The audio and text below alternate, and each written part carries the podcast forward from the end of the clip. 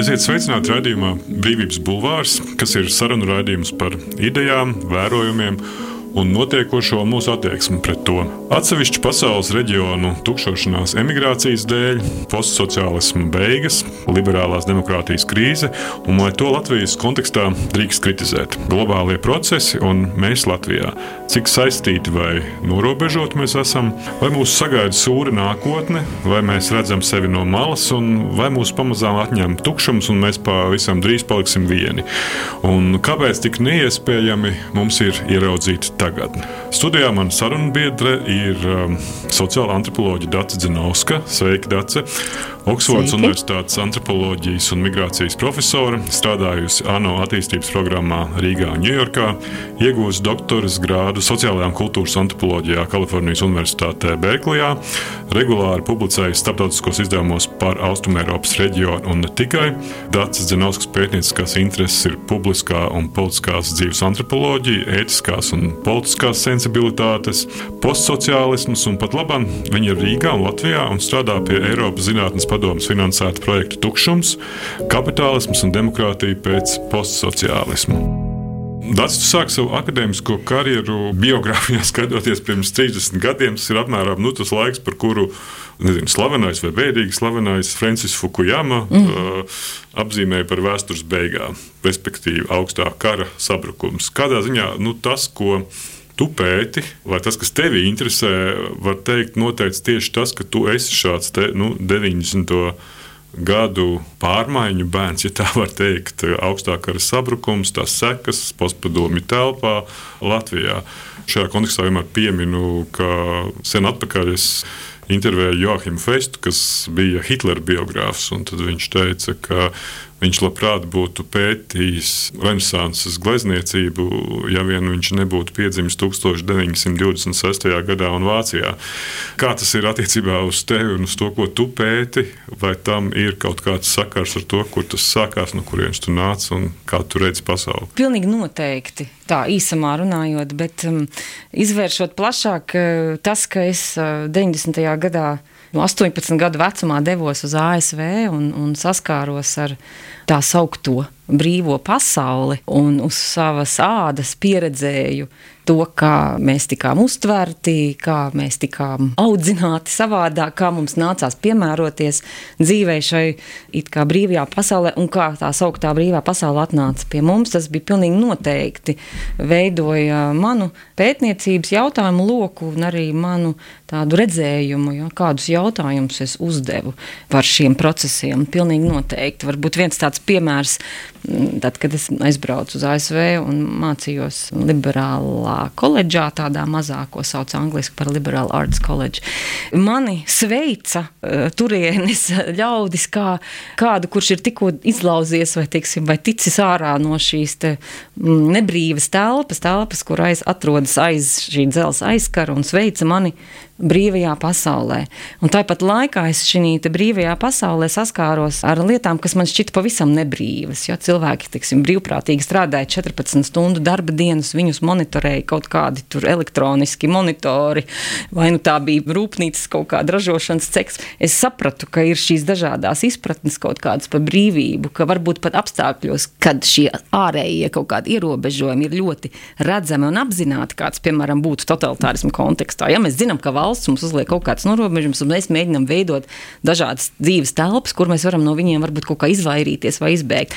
Kur savukārt sabiedrībās, kur vara ir internalizēta, tu pats disciplinē sevi, tev nav vajadzīga kaut kāda ārējie resursi, tad tur īstenībā tā brīvība vai nebrīvība izskatās savādāk. Man pat sāk likties, ka šī sabiedrība iespējams ir kaut kādā ziņā nebrīvāka nekā tā, no kuras es nācu. Nu, piemēram, šāda veida kaut kādas jā, saskarsmes, kas man toreiz bija, vai atskārsmes, ļoti, nu, ļoti ietekmēja, protams, to, ko es um, pētīju pēc tam gan saistībā ar liberālismu, nacionālismu, pēc tam arī ar tukšumu, bet nu, tā tāda garāka trajektorija. Es gribēju arī citātu no šīs pašas grāmatas, kas vismaz publiski iznāca 2012. gadā, respektīvi mm -hmm. desmit gadus sens Dārts Zenovskas vērojums vai secinājums. Latvijas kolektīvās nākotnes piesaiste Rietumē Eiropas tagadnē atgādina to, ko Fernando Koronels teica par Latviju Ameriku. Zem imperiālās nākotnes nastas tagadne to par pārejas periodu. Pārējai ir bijusi Latvijas un citu bijušo padomju un Austrum Eiropas valstu mantra kopš Padomju Savienības sabrukuma, taču pārējais beigas pievienošanās augstu attīstīto valstu pulkam tiek pastāvīgi atlikts.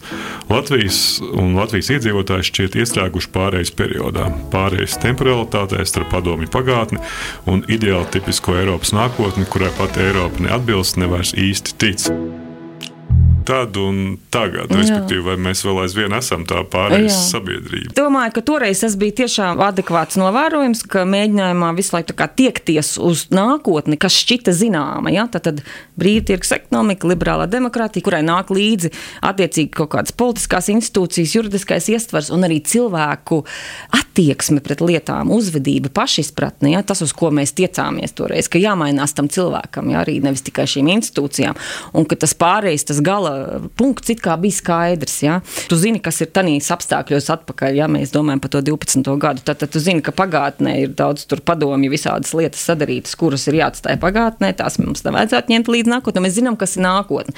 Un tad mēs tiešām to tagadni izturamies kā pret tādu pagaidu kaut kādu lietu, ja, kurai ātri jātiek cauri, lai mēs nokļūtu arī nākotnē. Un es to ļoti asi toreiz izjūtu, jo viss, kas notika tagadnē, tika mērīts ar šīm divām mērauklēm. Kas tad tagadē bija no pagātnes, kas ir jāatstāj, un kas bija jāpārvar, lai tad, tad tiktu uz šo te, nākotni, kurā jau dzīvoja teiksim, Francija, Zviedrija un tā tālāk.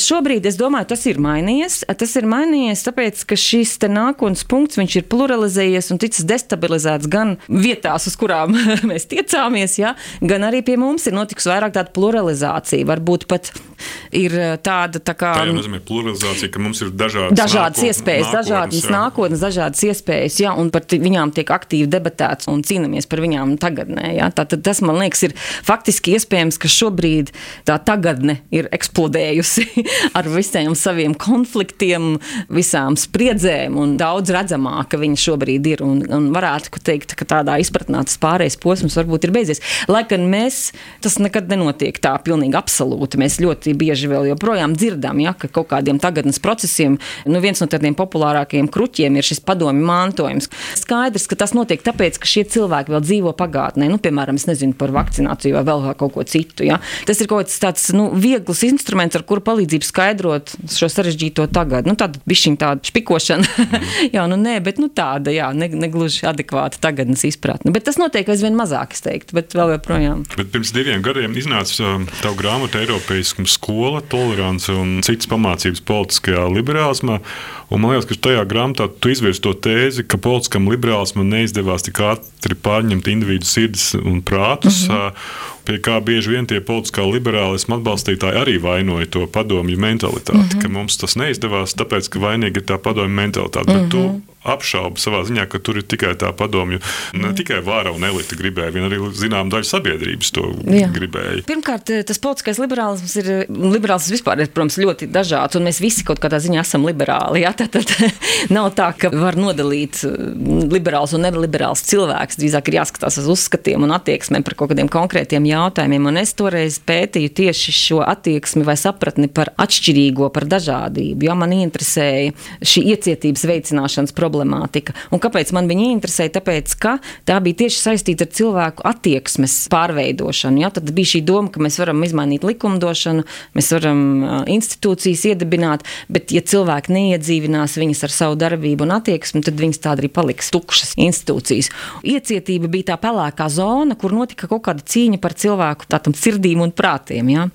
Un bieži vien šīs debates bija diezgan virspusējas. Ja, ja tu, teiksim, izmanto izmantoja kaut kādu vārdu, tad tu tad biji mm, neliberāls vai biji ieslīdis padomju mantojumā, bet, kad sāk skatīties dziļāk, tad tiešām parādās diezgan dziļi jautājumi, jā, tīri filozofiski jautājumi par to, kas ir mūsu valodas filozofija, kā mēs saprotam, kas ir valoda, ko vārdi dara, kuram ir kaut kādas tiesības vai iespējas noteikt, ko kaut kāds vārds nozīmē, jā, vai vārdam ir pašam sava sociālā dzīve, vai arī ir kaut kāda valodas komisija, kas nosaka, šis vārds tagad nozīmē to un viss, jā.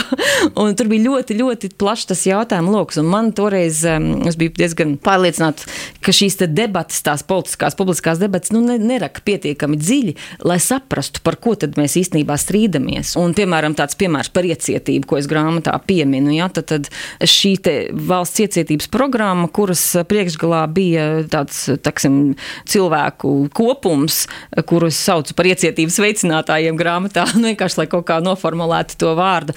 Iecietību uztvēra eh, kā politisku likumu, kā liberālu politisku likumu. Tātad attieksmi pret dažādības kategorijām publiskajā telpā. Un dažādības kategorijas tas ir pēc etniskās piedarības, rases, reliģija un tā tālāk. Kur savukārt daudzi no tiem cilvēkiem, kuru prātus un sirdis viņi vēlējās e, iekarot vai pārliecināt, uztvēra iecietību kā par sociālu likumu. Tad, tad kaut ko, kas mums visiem ir un kas mums ir absolūti nepieciešams, kas lai vispār, problēma, jā, kas tad, tad ir, tāpēc, lai vispār pasaulē varētu eksistēt. Jo jebkura saskarsme ar citu cilvēku pieprasa šīs iecietības klātbūtni. Citādi es tev visu laiku teikšu, man nepatīk tavs brilles, jā, un vēl kaut kas. Un tad, tad cilvēki uzskatīja, ka viņiem tas ir, un ka neiecietība ir pat arī sava veida tikums, ka tad, kad tas cilvēks nonāk pie kaut kāda punkta, kur viss vis iecietība vairs nav iespējama, ka nu pat ir pāršķērsot kaut kādas slieksnes. Un šis kā sociālais tikums, tā iecietība bija saistīta vairāk ar to, ko cilvēki dara. Nevis ar viņu identitātēm, nevis ar viņu piedarību kaut kādai minoritātes kategorijai. Manuprāt, šī ir diezgan liela atšķirība. Šis ir divas dažādas izpratnes par to iecietību. Un, ja mēs tik tālu nerokam un nesaprotam, ka ir šāda atšķirība cilvēku izpratnē, tad vienā pusē stāv viena un kliedz, un otrā pusē stāv otra un kliedz, un beigās nesaprot, par ko īstenībā ir šis strīds. Ja? Ka vienkārši fundamentāli ir dažādas šīs izpratnes. Dācis Zinovska, Oksfords Universitātes profesore, raidījumā Brīvības bulvārs. Bet uh, parunāsim tagad par izslēgšanas fenomenu, jeb tā saucamo kancelu kultūru. Jo tu arī uh, šajā darbā norādīji, ka ne tikai nacionālisms, bet arī liberālā demokrātija ir balstīta uz norobežošanos un izslēgšanu. Jā. Piemēram, iespējas izslēgt tolerances vārdā. Ja politiskā kopiena ir liberāla kopiena un tiem, kas to neatzīst, tiem šajā kopienā nav vietas. Kādā ziņā šī kancela kultūra ir tāda problēma atlikšana, vai tas nerada atkal kaut kādus potenciālos nu, konflikta cēloņus mm -hmm. nākotnē? Nu, jo tad, kad es, šobrīd jā. tiek kritizēti liberāļi, bet no otras puses tā ir kultūra, kur ir raksturīga visā. Visām tieši grupām. tā, jā. Kad es rakstīju šo grāmatu, tad kancela kultūra nebija vispār vēl neeksistēja kā jēdziens. Viss tāds laiks varbūt vairs neatceramies, es nezinu. Bet toreiz tas bija, par cik tas pretstats bija par manā kontekstā, kuras pētīju, bet arī plašāk, jā, bija tas pretstats starp izslēdzošo nacionālismu un iekļaujošo liberālismu.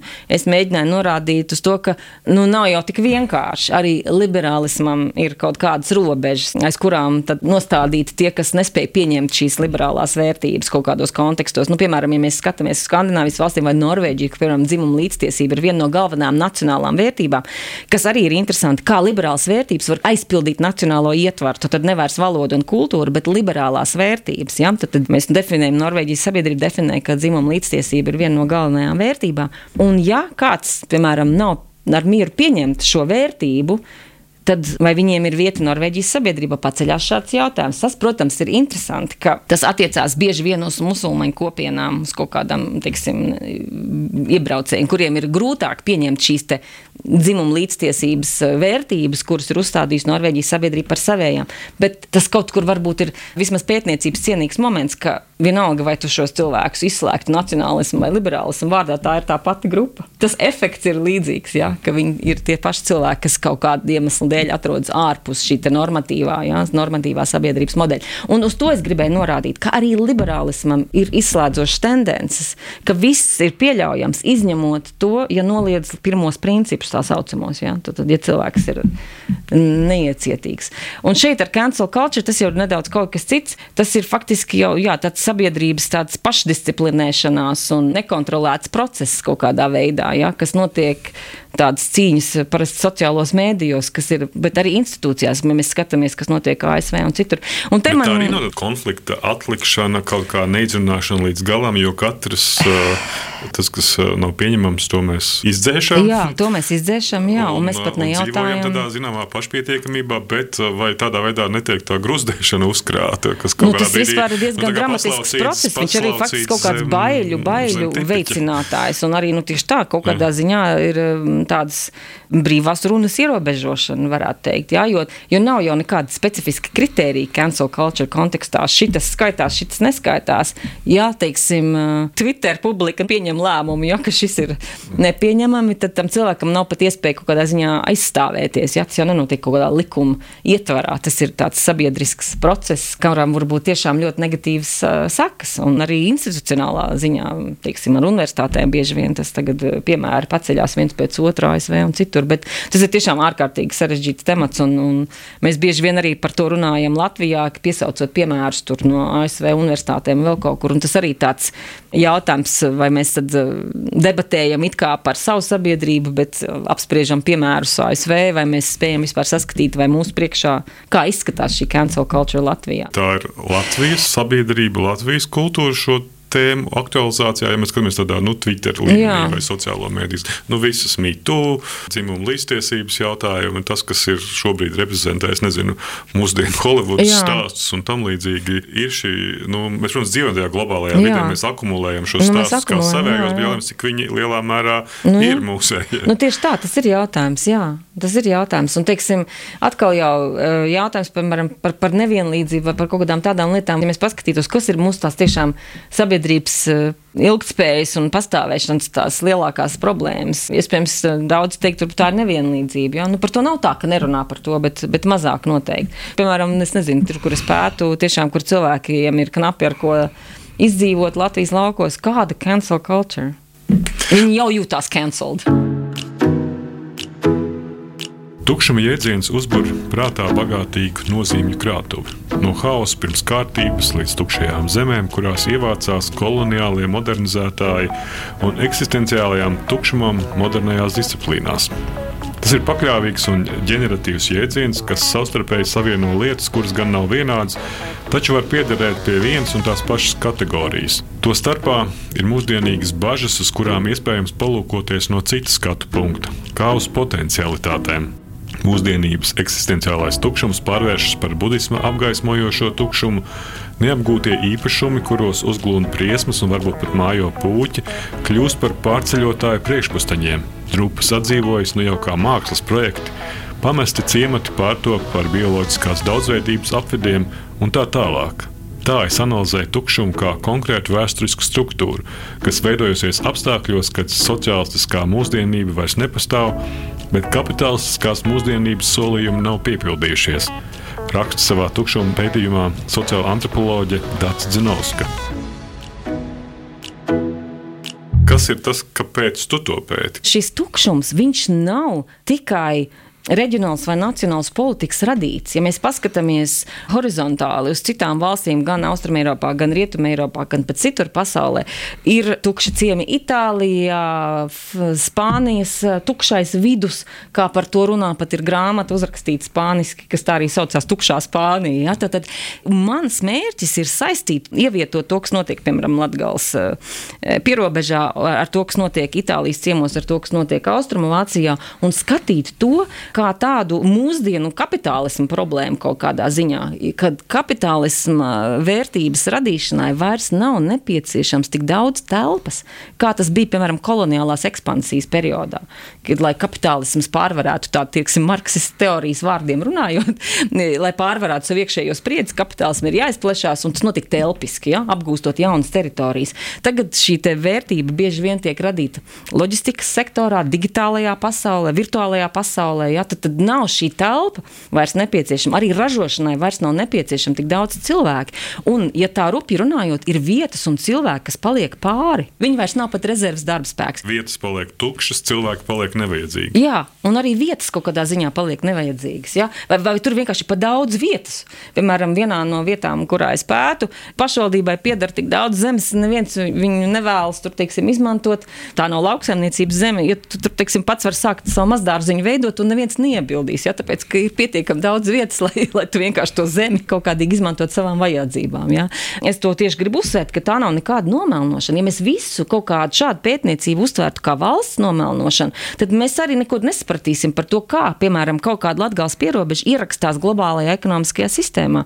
Mūsdienu apstākļos tā vairs nav tikai Latvijas valsts sastāvdaļa, tā ir kaut kāda vieta, kurai ir kaut kāda attiecīga vieta vai kurai nav vietas ekonomikā, kur ir daudz plašāk. Šobrīd mūsu politiskā domāšana neatbilst tai telpas konfigurācijai, kura tā tad ir ekonomiski Jau tiek izmantota. Jā, to tukšumu es sāku tāpēc, ka es pētīju emigrāciju 2010. un 2012. gads. un Es vienkārši pati biju pārsteigta, cik bieži es saskāros ar šo te jēdzienu tukšums, un ka tie cilvēki, kas palikuši bija šīs vietās, no kurām tad, tad cilvēki emigrēja ļoti daudz, protams, tieši pēc finanšu krīzes 8. gadā, ne, 8. 9. gadā, tad um, aprakstīt tās pārmaiņas savā dzīves telpā kā tukšumu.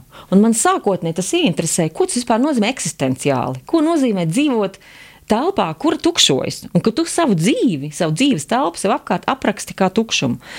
Kā cilvēki man to piepildīja ar kaut kādiem konkrētiem piemēriem. Lapsas staigā pa eh, ciema galveno ielu gaišā dienas laikā. Nevis pa nakti zog vistas, ja kāds agrāk bija. Pie pamestām mājām ir jau ābeles, kas ir kļuvušas par savvaļas ābelēm, kuras ir pilnas, pilnīgi pilnas ar āboliem, bet mājas ir tukšas un pamests. Ja? Cilvēki apraksta kaut kādas izmaiņas savā tanī, mm, apkārtējā vidē, ko viņi var novērot, kas viņiem liek domāt, ka šeit ir tukšums, šeit ir teiksim, kaut kāds laiks pirms, vai civilizācija ir atkāpusies. Ja? Tas kā tīri eksistenciāli viņi to man aprakstīja, man šķiet ārkārtīgi vienkārši iespaidīgi un, un interesanti. Un tad es sāku skatīties dziļāk, ja? kā mēs varam par šo tukšumu runāt tīri tādos tā kā struktūrālos kaut kādos aspektos, ja? no kā tad viņš eh, veidojas, vai viņš ir pārvarams, un ja kā, tad kā, un vai viņu vajag pārvarēt, ja? jo varbūt ierodas kāds uh, vidas uh, aktīvists un saka ļoti labi, Mums atkal ir teiksim, uh, vidas apstākļi uzlabojas, un mums bija pārāk daudz ražošana, mums to ražošanu nevajag. Īstenībā šis ir tāds labs tukšums. Ja? Un tā arī, protams, var būt. Tā ir klasiskā patiesība, nu, ka viss kaut kad reiz beigsies, ka nekas nav mūžīgs un viss ir pakļauts sabrukumam. Nu, jā, tas ir ļoti labs jautājums, bet tas tukšums vienmēr ir, ir dažāds. Viņš nav viengabalains. Un līdz ar to bieži vien, tieši kad es runāju par tukšumu un par šo savu pētniecību, tas ir viens no jautājumiem, kas parādās. Nu, tā, tad, tas ir kaut kas beidzas, kaut kas cits sākas. Un mēs to varam tā uztvert. Mēs varam uztvert, ka beidzas kaut kāda, teiksim, dzīvesveids, kuru kaut kādā lielā mērā veidoja tātad pirms kara Latvijas uh, zemes reforma un lauku dzīves iekārtošana. Tad saistībā pēc tam nāca padomu sociālisms un lauku urbanizācija, kur arī turmēr bija apdzīvoti lauki, bija viens no tiem mērķiem, jā, tad, tad atturēt cilvēku aizplūšanu uz pilsētām. Un tā rezultātā izveidojās kaut kāda lauku dzīves telpa. Un tagad viņa mainās diezgan radikāli. Viens no tām sakām ir tukšums. Vai tas ir labi vai slikti? Es nezinu. Es gribu tvert tā tukšuma specifiku, kāds viņš izskatās, ko tas nozīmē dažādiem cilvēkiem. Ja? Un vai tiešām mēs varam turpināt vienkārši uztvert, ka tas ir kaut kas ciklisks, ka tad šis beigsies, kaut kas cits sāksies, un vai mums ir vērts iespējams paskatīties, kas tad teiksim, nāk vietā. Ja, ja piemēram, mēs uzskatām, ka no laukiem aizbrauc manuālais darbspēks, aizbrauc, lai gan aizbrauc, protams, arī izglītot cilvēku un skolotāju un tā tālāk, sevišķi 10. un 12. gads, tad uz Angliju, un vietā nāk cilvēki vidusšķira, kur attālināti strādā, kura var dzīvot eh, pašpietiekami, savu ģeneratoru uzlikt un vēl kaut ko pieslēgt jaunu, ne- nezinu, tur spici vai vēl kaut ko uztaisīt. Tad, tad tas radikāli mainās, un tiek nomainīts sociālais slānis. Tad, tad aizbrauc proletariāts, ierodas vidusšķira laukos. Lauki sastāv tikai no individuālām kaut kādām vidusšķiras ģimenēm, kas varbūt viena ar otru komunicē, varbūt nē, nezinu, kā veidojas sociālā vide. Manuprāt, tas ir ārkārtīgi, tas ir ievērības cienīgs process. Bet tas ir tikai pandēmijas sekas. Man jāsaka, atklāti, man nepietiek vēl datu, lai noteiktu, ka tik vai tik tiešām ir tā, ka tagad lauki ir izglābti, jo visas vidusšķiras traucās uz laukiem un ir apdzīvojusi laukus. Vai arī mēs ievērojam vienu vai divas ģimenes, kas to dara, par kurām raksta visas avīzes, tāpēc mums liekas, ka tiešām tā ir. Ja godīgi man nav statistika, man ir tā tikt kvalitatīvā statistika. Ja, piemēram, viena nekustamo īpašumu aģenta teica, ka viņas eh, portfolio caucamajā tādā portfelī bija 36 īpašumi, tādas vidusmēra kaut kādas nepārāk labas vai ne, bet nu, tādas normālas kaut kādas lauku mājas, kur varētu dzīvot, un viņas visas tika izpirktas vai ne pirmajā tukšums pandēmijas pusgadā. Ja? Jā, tukšums kļūst pievilcīgāks, vai ne? Grūti vēl pateikt, mēs tiešām atkal redzam kaut kādas tiešām izmaiņas, un arī sevišķi, ja robežas ir cilvēki mazāk var ceļot, ja? tad, tad kas ir interesanti, ka tas iet kopā ar kaut kādu robežu atkal aiztaisīšanos. Jā, labi, mēs varbūt. Uh, es aiziešu sapotēšu, man ir jāceļos, neko nevar darīt, man jābrauc starp Oksfordu un Latviju. Un es vienalga braukšu šobrīd, vai ne, un to darīšu. Bet ir noteikti ļoti daudz cilvēku, kas tiešām arī izvēlās nekur nebraukt un skatās uz Latvijas laukiem, gan turismu, gan dzīves ne, dēļ un tā tālāk. Tiešām varbūt robežu aiztaisīšana, teiksim, novedīs pie pildības. es nezinu.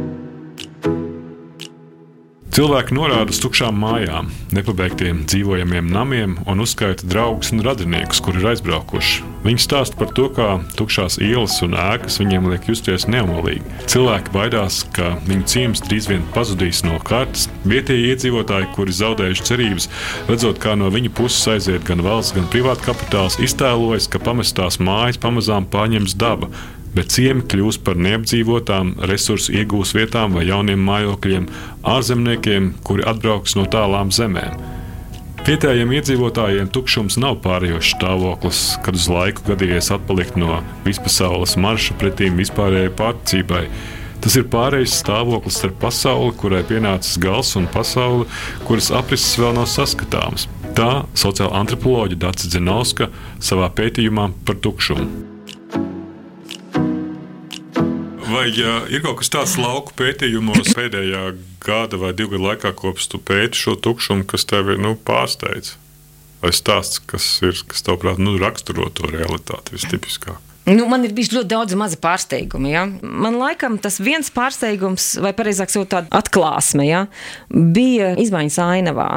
Tad, kad es pandēmijas laikā nevarēju tik daudz runāt ar cilvēkiem, un es ļoti daudz braukāju pa laukiem, vienkārši izbraukāju visu apkārtni, tādās vietās, kuras pētīju, braucu uz kaimiņu ciemiemiem, pilsētām. Tiešām vienkārši tāda telpas lasīšana, varētu teikt, ja? Nu, ar to es nodarbojos. Cik daudz es redzēju šīs ēkas, kuras ne ir tad, tad bijušas viensētas vai, vai, vai teiksim, lauku sētas, vai latgalē ne tik daudz viensētas, bet, nu, teiksim, sāģes, kur ir lauksaimniecības zeme pienākusi līdz pašam slieksnim un vienkārši absolūti nav māja, pat neviens, teiksim, pleķīts kaut kādam dārzam, tad tu saproti, ka tā māja, nu, nav vairs apdzīvota viņi netiek vairs apdzīvot, vai arī tas cilvēks, kas tur vēl dzīvo, nespēja viņu apdzīvot tādā pilnā izpratnē, un ka es skatos, ka es saprotu, ka tās mājas tur drīz nebūs. Un kad es runāju ar tiem lauksaimniekiem, Viņi teica, ka viņi nevar, viņiem dažiem neceļās roka viņas, teiksim, nojaukt, citi jau ir nojaukuši, vai, teiksim, nezinu, ko, nu, kurš nu sadedzinājuši, gluži nav, bet kaut kādā veidā nojaukuši. Man tā ainavas izmaiņas likās ļoti, ļoti pārsteidzošas. Un tad viens citāts, ko pagastu pārvaldes gan vidzemes, ziemeļvidzemē teica, ir, ka viņa prāt labāk, lai paliek šīs pusgrūšās mājas, Jo tad pastāv cerība, ka kāds garām braucot, ievēros to graustu un nolēma, ah, bet te taču ir bijusi māja. Es varbūt varētu arī šī vietā, varbūt varētu to pleķīt atpirkt no tā saimnieka, nu, teiksim, zemnieku un ierīkot tur māju. Bet, ja tas cilvēks brauks garām un tur nebūs ne skurstenis, ne grausti, nekas tikai pilns pliks apstrādāts lauks, tam cilvēkam nekad neienāks prātā tā ideja, ka viņš varbūt varētu vai viņa varētu arī tur, teiksim, tādā pleķītī iedzīvoties. Un tad, tad man bija tas tā doma, jā. Jo, nu, iedomājieties, tas, tos laukus bez, tiem, bez tām tukšajām mājām. Tad mums liksies, ka viss ir sakārtots, bet mums nebūs absolūti nekāds telpiskais liecinājums par to, ka tur ir bijusi dzīve. nu, atliks vienīgi muzejs, ko tu jau rakstīji, ka šajās tukšajās vietās uzplaukst muzeja kultūra. Mums ir melnais turisms un bijušās ir, jā. padomju armijas drupas, man liekas, ir diezgan jā, ļoti aktuāli. Piepildīts tukšums, kuru apmeklē gan mm -hmm. latvieši, gan ārzemnieki. Gan ārzemnieki, jā, tas ir tiešām pilnīgi pārsteidzoši, cik daudz ir sevišķi Kupravā, kur es strādāju arī, kur ir, teiksim, ir šīs industriālās drupas, tur ārzemnieki katru nedēļas nogali brauc mašīnas cilvēku ar kādām mājaslapām, kur tur YouTube uzzina par šo drupu esamību un traucās viņus apskatīt. Tas ļoti svarīgs ir neformālais turisms. Ja? Tas ir nākotnes muzejs. Jā, nākotnes muzejs. Jā. Labi, paldies tev, Dārsa Zinovska, Oksfordas Universitātes sociāla antropoloģe profesore, kura šobrīd Latvijā pēta tukšumu postsociālismu telpā salīdzinājumā ar citām Austrum Eiropas un arī Rietum Eiropas valstīm. Paldies! Paldies tev!